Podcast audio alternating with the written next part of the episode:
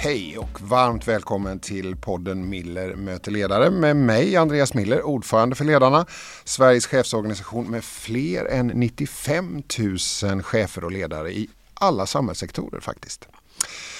En sak som blir väldigt tydlig för mig eh, när jag träffar chefer, om det så är i kommuner, i byggföretag eller i fordonsindustrin eller i tung produktion i Sverige, så står hållbarhetsfrågorna högst på dagordningen. Vi måste ställa om nu och det måste ske snabbt för att skapa goda levnadsvillkor för nästa och nästa generation. Och dagens gäst är, skulle jag säga, en person som har fattat detta och driver sitt företag mot hållbar produktion. Det är Johan Knaust, VD för K2A Knaust och Andersson Fastigheter. Välkommen hit Johan! Tack så hemskt mycket! Ja, hur har den här morgonen varit för dig? Eh, väldigt bra. Väldigt måste, bra. Måste jag säga. Ja, gillar du kyla? Eh, nej det gör jag faktiskt inte. nej, nej det, det, jag är blandad till det här. Jag tycker vintern ska vara kall men när det kommer så vet jag inte riktigt vad jag tycker faktiskt. Men hellre kall än slaskig. Ja, det är jag helt, mm. precis. Hellre kall än slaskig. Mm. Du, du sitter ju bland annat här för att du har fått pris för ditt hållbarhetsarbete. Du fick Ledarnas och Nätverket för hållbart näringslivs pris Hållbart ledarskap 2022. Hur, hur kändes det att få den där utmärkelsen? Det, det, får säga, det kändes eh, fantastiskt roligt och eh, det var strax efter som man kallade det faktiskt för SM-guld i ledarskap. Det eh, tycker jag att det var lätt väldigt fint. Ja, ja. ja för jag, jag, såg på dig, när, jag var ju där när du fick priset mm. och sådär. Du var, du var lite förvånad. Du trodde kanske inte att du skulle vinna bland de tre nominerade eller? Ja, man hoppas ju alltid, men man, man vet inte. Men hoppas självklart. Ja, mm. ja. Du, vi ska börja med att höra juryns motivering till priset Hållbart ledarskap 2022. Genom sitt nytänkande arbete utmanar Johan Knaust en hel bransch som måste ställa om. En bransch som historiskt varit trögrörlig. Johan har också påverkat andra branscher som finansbranschen, till exempel genom sitt arbete med gröna lån och gröna aktier. Modiga ledare är avgörande och Johan Knaust är precis just det. Han putsar inte bara på hållbarheten inom befintliga affärsmodeller utan tänker nytt från början Johan har dessutom bevisat att han över en längre tid lyckats skala upp verksamheten ekonomiskt. Något som är mycket utmanande när man samtidigt har en ny hållbar affärsmodell som också tar sikte på stora hållbarhetsutmaningar i samhället. Johan, när man hör den här motiveringen, vad, hur, hur känns det för dig att höra den? Eh, återigen, det känns, eh, eh det känns fantastiskt och eh, man blir nästan lite generad över alla fina ord som, som sägs. Ja. Men jag, jag, tycker ändå man måste lyfta fram att det är, det är självklart jag som får priset, men det är eh, jag vill gärna lyfta fram medarbetarna för det är ett, verkligen ett lagarbete. Det är de som ser till att eh, lyfta firman och driva firman i, i det helt rätt riktning. Ja. Men du, när man tittar på dig så har det ju faktiskt det har regnat lite priser över dig. Du blev nyss utsedd till årets person inom hållbart byggande vid Sweden Green Building Awards den 27 oktober.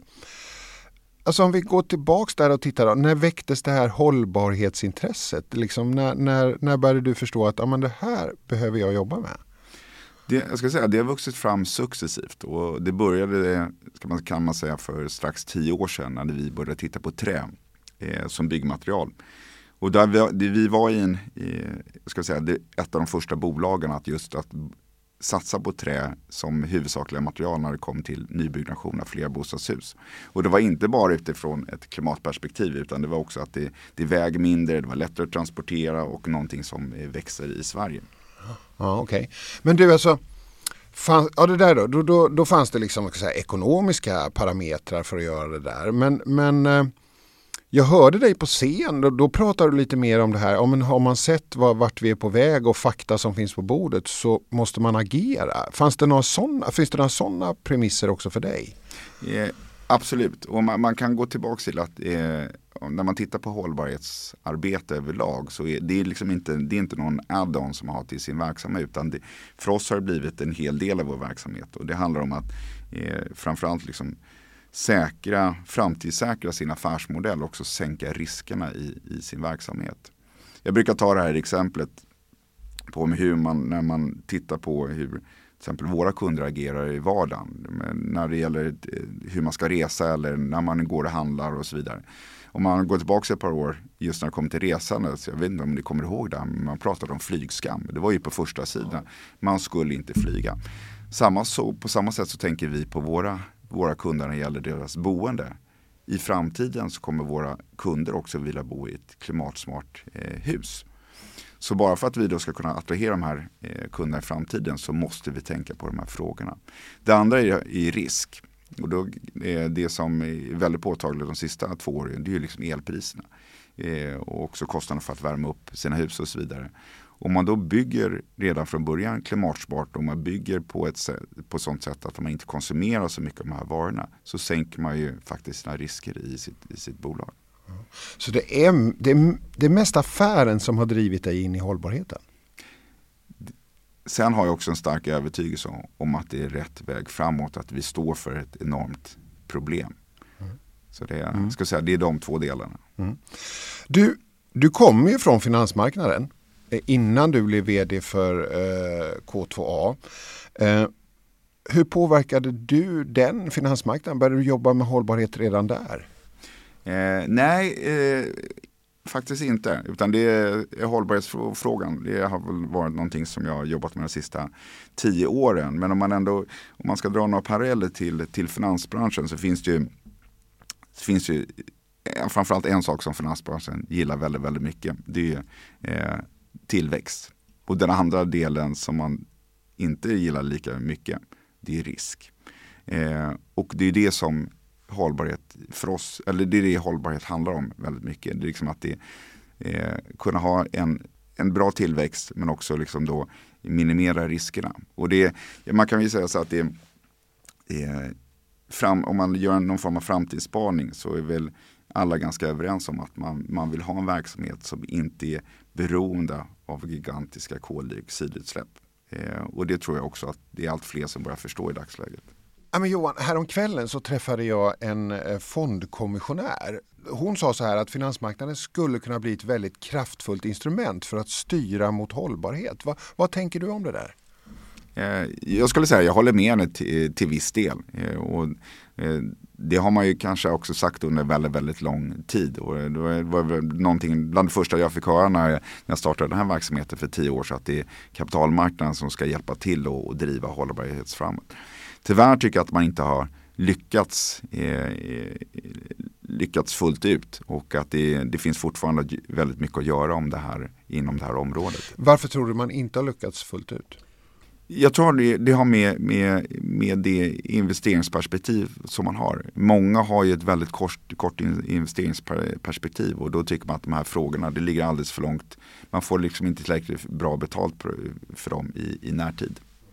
Du har ju jobbat bland annat med någonting som, som kallas för grön aktie. Mm, det stämmer. Ja. Det. Och, och, vad var det för initiativ du tog? Det, det, det går tillbaks till när man tittar på eh, någonting som har funnits under väldigt, väldigt lång tid i, i Sverige och utomlands. Någonting som heter gröna obligationer. Men det är ju någonting som då är kopplat till en, en del av en verksamhet. Så det kan ju faktiskt vara så att du kan ge ut en, en grön obligation medans, eh, som är kopplat till ett projekt men du kan ha 99 projekt som inte är klimatsmarta. Så eh, bara, bara för att ge ut en grön obligation så innebär ju inte du, det att det, du är ett, ett grönt bolag. Men jag tänkte så här, eftersom vi gör allt vi gör i vår verksamhet är faktiskt grönt, skulle inte då vi kunna klassa vår, hela vårt bolag som grönt? Så vi blev faktiskt då eh, för ett antal år sedan det första bolaget i världen av alla bolag i inom alla sektorer att få vår aktie klassad som grön. Därför allt vi gör är grönt. Det var ju det var, det var jättekul att eh, kunna, kunna nå dit. Men det är också triggade och det ska säga det som är, har varit ännu roligare det är att då eh, börsen här i Sverige då, eh, Nasdaq, att de plockade upp det här och såg att det här var ett otroligt intressant initiativ och det var någonting som de också skulle gå i bräschen för. Så de har ju då skapat någonting som heter Nasdaq Green Equity Destination. Där man då, om man då uppfyller vissa eh, krav som de, ja, det är inte bara, är ganska många krav som man ska uppfylla, så får man också då en stämpel från Nasdaq. Och det där har vi sett att nu att det är eh, åtminstone en handfull bolag som också tillsammans med oss som har fått den här stämpeln och att det är fler som jobbar för att eh, komma dit. Men det du säger också det är att det här måste omgärdas av ett stort regelverk för att det inte ska bli greenwashing då? Exakt. Exakt. Och det är det som, har, det är det som all, alltid är problemet inom det här området. Som jag, det var som jag började säga, du kan, göra, du kan kalla att du är grön, kalla dig grön Även fast det, liksom, det är bara ett projekt som är grönt av, av 99. Du, innan vi, vi går in lite mer på ditt företag så ska vi reda ut det här nu då. Knaus, du heter ju det. Det stämmer bra det. Ja, det- du heter ju det och det, det finns i företagsnamnet. Och du sa att du är grundaren av det här. Ja, Tillsammans med två andra. ja. Och det, är, det var bland annat min, min farbror då, som har samma efternamn som jag har. Och en gammal arbetskollega till mig som jag började jobba med för ungefär 20 år sedan som då heter Christer Andersson. Så namnet kommer från att det är Knaust, Knaust och Andersson. Så det är K2, det är två K och ett A. Exakt. Ja, ja, men då Mm. har vi klart för oss det. Och sen, sen, men sen har du, sen har det här företaget börsnoterats 2019. Mm. Förändrade det sättet att jobba? Liksom, du pratar om det här med kortsiktigheten och jag tänker kvartalsrapporter och, och så. Hur, hur påverkar det? Eh, framförallt ska jag säga att det, det höjer eh, kvaliteten i, i hela verksamheten. Det, det, blir, eh, det, det blir väldigt tydligt vem man rapporterar för och eh, det blir också väldigt tydligt med alla deadlines vad som gäller. I en privat miljö så kan det ju vara- faktiskt vara så att eh, om inte din ekonomiska rapport är klar på fredagen och du säger att men det kan vara den är klar på måndag så kanske det är okej. Men inte, så är det ju inte i ett noterat bolag. Om man sagt att man ska leverera på fredagen och en viss tid, ja, då måste man leverera. Så att det har skärpt hela Absolut. företaget? Ja, jag skulle säga ly- lyfter hela kvaliteten i, i hela bolaget. Du, om man går in på er hemsida så möts jag av budskapet att ni ska bli det första klimatpositiva fastighetsbolaget 2027. Det är ju ganska hög eh, spänst på den bågen kan man säga. Mm. Eh, hur ska det gå till? Det, det, det, man får, återigen det, är det som är en av de viktigaste delarna i det arbetet. Det är faktiskt det, eh, det material som vi använder. Och det är trä. Ja. Om man då tittar på den kol, om man även räknar med den kolinlagringen som, som finns i trä så ett trähus har ett klimatavtryck som är 80% lägre än något annat byggmaterial. Så bara där har man kommit en väldigt, väldigt lång väg. Eh, väg. Och då jämför du med betong och... och Precis, ja. betong och stål Ja. ja. framförallt. Då. Och eh, det, är, det är den ena delen. Den andra delen är, det är att jobba med, eh, ja, för vår del, jobba väldigt mycket med alla våra underleverantörer till exempel. Transportsidan och, och eh, man jobbar med effektivisering och så vidare. Och så vidare. Det är, tyvärr kommer vissa av de här kanske inte riktigt komma, komma dit vi vill att de ska komma till, till 2020, eh, 2027. Så på ett eller annat sätt så måste vi balansera upp de sista delarna på ett eller annat sätt. Men för oss är det där viktigt att vi gör det i vår värdekedja i Sverige. Hur lätt är det där? För jag tycker jag möter många ledare som står nu i de här frågorna precis som du gör. Mm. Och att så att säga precis sin kärnverksamhet kan man ju ha ganska bra koll på. Men liksom leverantören in och leverantören ut så att säga i olika sammanhang då är mycket svårare. Vad, vad tänker du om det där? Att, att få koll på hela ledet så att säga från ax till limpa. Det är, det, det är klart att det är en utmaning. Men om man tittar tillbaka på vår egna eh, verksamhet så är det ju en, jag ska säga, det är en, det är en repetition av mycket. eh, Vi repeterar mycket av det arbetet vi gör. Det, det är samma typ av lägenheter, i princip samma typ av hus som vi bygger om och om igen. Så på så sätt är det ju lättare att eh, kunna kontrollera sina underleverantörer. Men är underleverantörerna med på att bli mer hållbara och anpassa sig till era krav? Eh, inte alltid. Men det, det finns många fina historier under de här, de här sista, eh, sista åren. Jag har en, bland annat en som jag kommer ihåg, en av våra stora köksleverantörer. Jag ska inte nämna några namn. Som var otroligt skeptiska till att behöva miljöcertifiera sitt eh, kök enligt Svanen. Eh, därför de, de kände att det här det både det tog tid och det kostade pengar och, och, och så vidare. Och så vidare. Men i, vi sa att vi, vi är en så stor, eh, ska säga, en, av era, eh, en av era större kunder. Eh, och eh, om inte ni klarar av att leverera på det här så måste vi kanske vända oss till någon annan köksleverantör.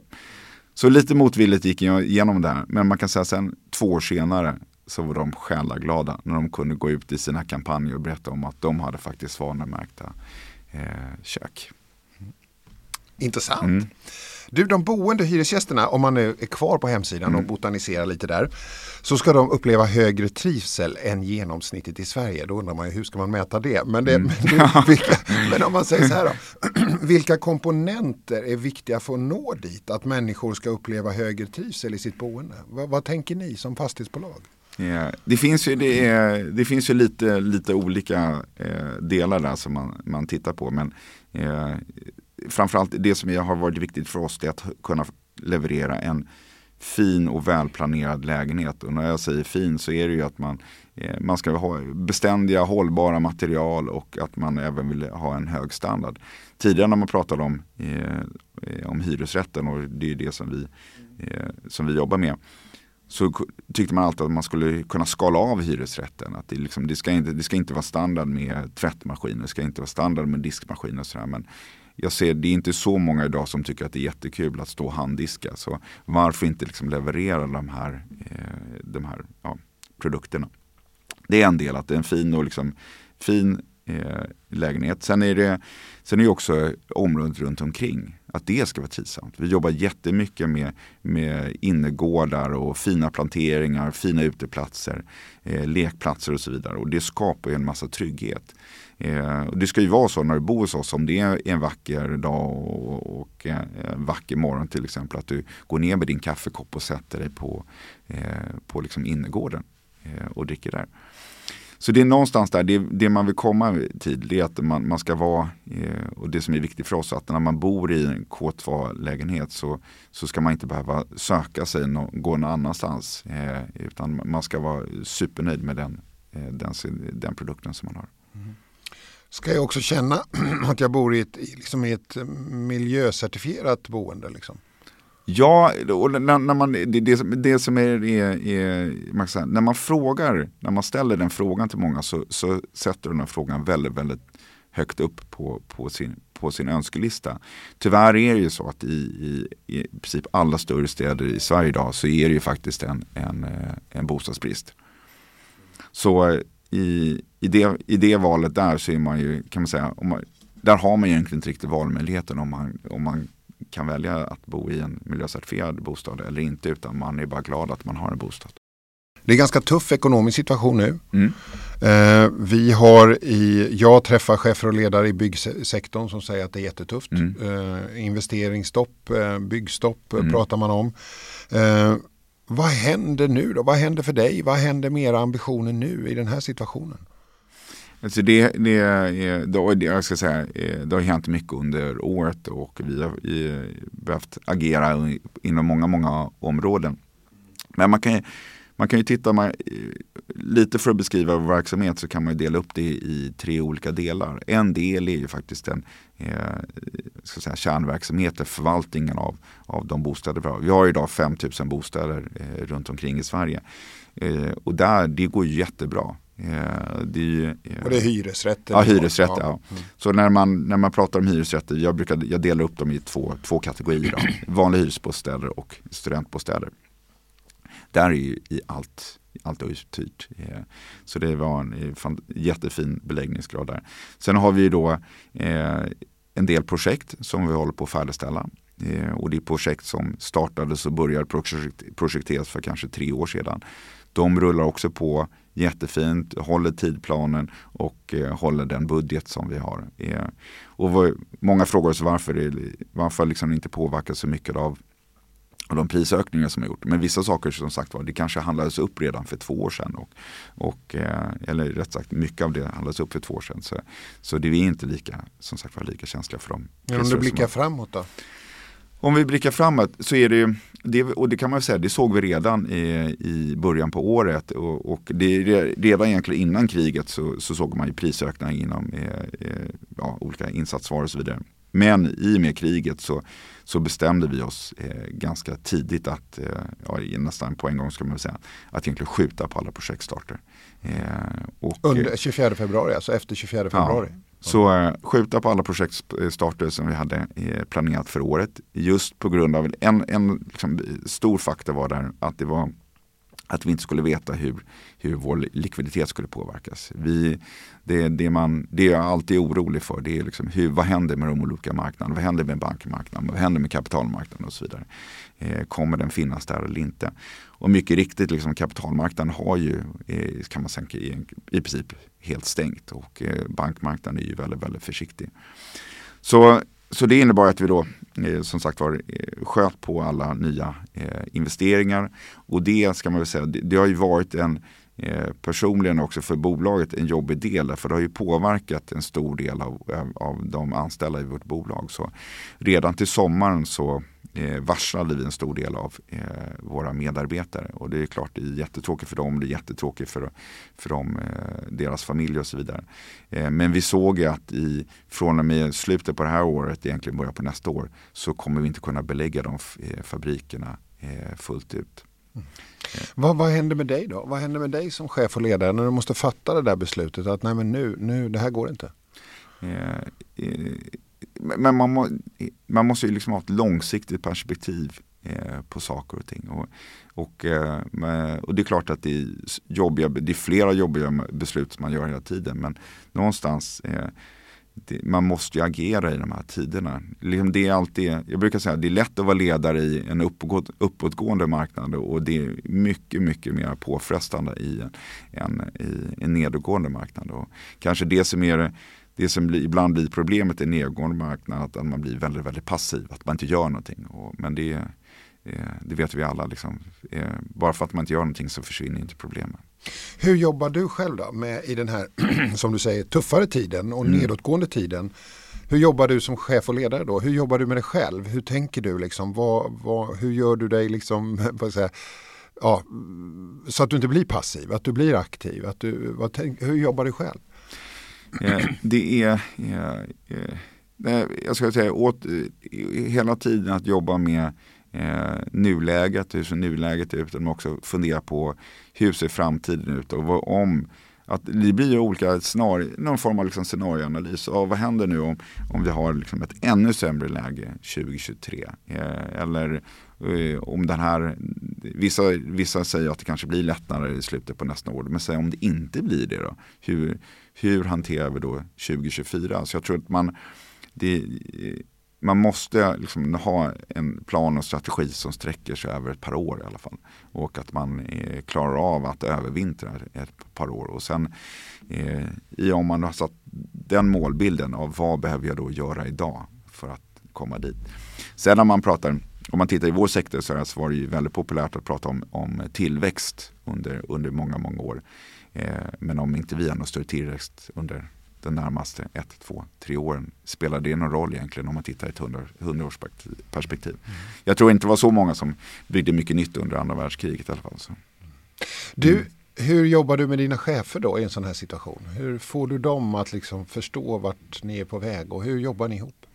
Yeah, mycket, yeah, det bygger på mycket samtal. Det är, det är att eh, både, både liksom i strukturerade former där man kanske har liksom större möten där alla, eh, alla de närmaste cheferna ingår och man får prata fritt om saker och ting. Men sen är det liksom att hela tiden ha en dialog med alla. Eh, och det behöver inte vara några lång, långa samtal men snabba liksom checkar eh, med jämna mellanrum vad som händer och vad de ser och vad är ljusningar i deras verksamhet och vad är problemen i deras verksamhet. Mm, mm. Du, hur, hur håller man modet uppe då? Hur håller man liksom det där framåtblicken levande som chef i, det här, i ett sånt här läge? Eh, ja, men återigen, man, man, kan gå, man går ju tillbaka till att det finns ju faktiskt det är inte allt som är dåligt i, i, i, sin, i sin verksamhet. Det finns faktiskt saker som går jättebra och har utvecklats eh, ännu bättre än, än jämfört med, med tidigare år. Och sådär. Så de delarna får, får man ju ta med sig. Men sen vet du ju, om man har varit eh, med under många år så vet man att det är, liksom, det är uppgångar och, och, och liksom nedgångar. Så efter nedgång kommer uppgång vid något tillfälle. Sen är det bara frågan hur lång den här nedgången är. Man, och hur man övervintrar. Och hur man övervintrar. Mm. Du, hur går det med hållbarhetsarbetet då i sådana här övervintringstider? Får, det ge, får man ge avkall på det eller, eller kan man vara aktiv, ännu mer aktiv i det? Eller vad tänker du? Mm. Jag tänker så här att det är det, det här, din fråga är en otroligt intressant fråga. För jag tror att det är det här som många bolag och det, ja, eh, drabbas av. Eller hur man ska, hur man ska uttrycka det. För hållbarhet, det, det, det, är ju, ska, det är ju liksom inte en add-on. Det är inte någonting som du lägger till till din, din verksamhet. Det ska ju vara del av din kärnverksamhet. jag brukar säga att i hållbarhetsarbetet, det, det är en del av vårt DNA. Eh, och eh, återigen, det, det, är, det är ett sätt att framtidssäkra sin, sin verksamhet. Så bara för att det är tuffare tider så, så eh, kan man inte sluta med det arbetet. Och som sagt var, i vårt fall så är det en del av vårt, ja, kärnverksamhet. Men jag tänker, ni varslade ju i trähusbyggande divisionen. Ja. Där fick ni ju varsla liksom. Mm. Så att, hur går det med trähusbyggandet framåt? Det är, liksom, det är lite stopp på det nu då tills i övervintringen? Eller? Exakt, exakt. Ja. Så det får man, och i, i nuläget skulle jag säga, det, om du hade frågat mig när startar det igång igen så skulle jag inte kunna svara på det faktiskt. Det, utan det, mm. Vi får se hur marknaden utvecklas. Så mm. du har liksom perspektivet, det kanske blir bättre hösten, nyår 23-24? Ja, precis. Det är så ni tänker ja. nu? Ja. Mm. Du, eh, vad gör du för liksom att utöva ett transparent och inkluderande ledarskap? Är du lätt att nå? Eh, absolut. Det, ja. det är bästa som finns om någon ringer på en kväll eller en helg. Det är något spännande som händer. nej, men, eh, ja, nej, men tillgänglig. Eh, det, det, behöver man vara. Sen är det svårt i, ibland att, liksom, att hinna med och, och svara på all, alla förfrågningar och så vidare. Men Eh, Eh, jag vill gärna liksom att eh, alla ska känna att det är någonting som dyker upp, ja men då kan man ringa. Man kan ringa sent på kvällen eller man kan ringa på en lördag eller ringa på en söndag och så vidare. Men sen för det här, det är lite att man måste alltid tänka på det här. Vad är, vad är, viktigt, för, vad är viktigt för organisationen? Det är klart att det är viktigt för dem också att förstå hur, hur, eh, hur kanske jag och eh, styrelsen tittar på, på framtiden. Hur ser vi att, vad är vårt scenario för 2023? och Vad är vårt scenario 2024? Därför har inte dina medarbetare, om de inte förstår ditt mål så är det svårt för dem att agera i rätt riktning. Det är en sak som är viktig som chef och ledare, jag tänker i din bransch, det handlar om innovation och vara innovativ och så. Hur, hur jobbar du med för att skapa en, ett innovativt klimat? Det är att man är väldigt, eh, först och främst eh, kan man säga att vi, Eh, jag gillar ju de som är eh, innovatörer och entreprenörer. Så i, i, ens, I ens rekrytering så lägger man ju en hel del vikt med vid att försöka hitta, hitta de, den typen av personer. Så vi är, i vår organisation så är vi många som har det, det tänket. Men sen är väl att, att det ska vara högt i tak och att man ska vara Eh, det ska vara en förlåtande, eller förlåtande organisation. Det, vi brukar alltid säga det att det, vi har ju testat så mycket grejer i vår eh, organisation. Många som har blivit, mycket som har blivit jättebra och mycket som har inte har blivit så bra. Men då vet man det att ja, man, i, ofta, i de flesta fall så lär man sig faktiskt även av sina misstag. Och vi gör ju alltid ska säga, alla tester i liten skala. Så det är inte så att om vi har en ny idé att vi rullar ut det liksom på på alla fastigheter vi äger. Utan då kanske vi testar det på, på en fastighet. Funkar det bra? Ja, då rullar vi det på de andra. Mm. Kan du ge några exempel på något som ni testade som inte var så bra? Eh, ja, eh, det är en intressant fråga. Men hade, vi var väldigt tidiga på eh, det här med leveransboxar. idag, idag tänker alla liksom, Alltså de här uh, Instabox, Budbee och Precis, ja, ja. Och det här är, det här är kanske för eh, någonstans fyra, fem år sedan. Som vi tyckte att det här, det här är en genialisk idé, det är klart att man borde göra på det här. Och vi satsade på en, jag tror vi faktiskt, vi var, vi var så tidigt, tidigt ute så jag tror det faktiskt två av de samarbetspartners som vi eh, jobbade med finns inte längre idag. Så okay. de, hade, de var tidiga på bollen men liksom hade inte ekonomiska hållbarhets... Mm, okay. eh, så ni var, var egentligen på en väldigt bra idé men ni hade inte riktigt förutsättningarna då? Eller? Nej, precis. Ja. Ja. Ja, och nu ångrar du att ni inte fortsatte eller vad tänker du? Uh, nej men nu tycker jag nog att ändå produkten har blivit uh, bättre. Det var, och att det nu ligger mer uh, ansvar på, uh, på liksom de här externa parterna än vad det hade legat på oss. Ja, just det. Mm. Du, vi börjar närma oss slutet. Mm. Jättetrevligt att träffa dig så här och prata om de här frågorna. Men vad, jag tänker så här, om du, jag tänkte fråga dig om två saker. Mm. Dels liksom, nu har du fått ett pris här för hållbarhet och sådär. Mm. En, en chef och ledare som ska börja jobba med hållbarhetsfrågorna. Vad är ditt liksom bästa tips till en sån person? Mm. Har ni det bästa, om vi får ta några olika tips ja, ja, absolut, absolut.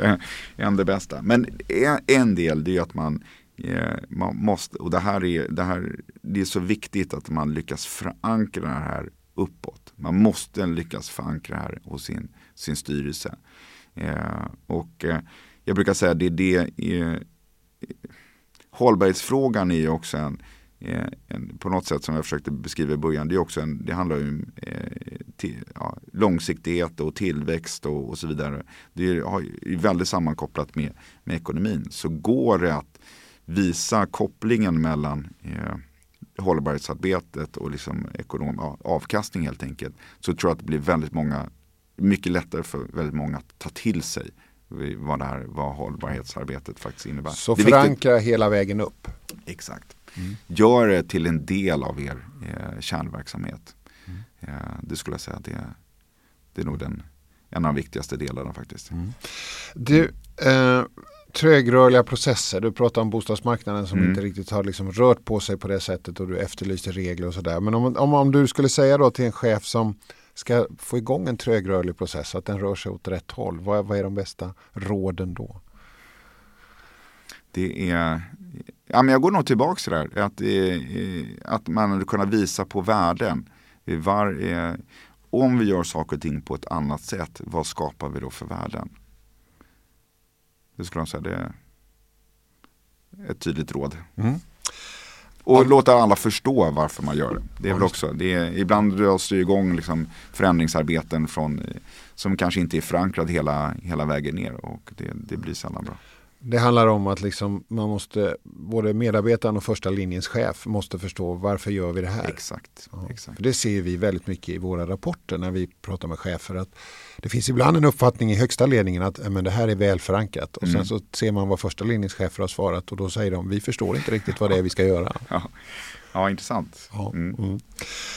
Men idag tycker jag vi förstod ganska, eller inte ganska, vi förstod mm. väldigt väl vad du gör och, eh, och jag kan bara säga så här, eh, jag tycker det är väldigt roligt att träffa chefer som dig som har börjat liksom och jobbar så tydligt med hållbarhetsfrågan för jag tror att det är jätteviktigt att vi har förebilder i alla branscher mm. som jobbar med de här frågorna. Så stort tack Johan Knaust, VD K2A ska jag säga, för att du medverkade i Millimeterledare och eh, till dig som lyssnare Tack för att du lyssnade. Snart kommer det en till podd i den här serien. Tack för mm. idag. Ja, tack, tack.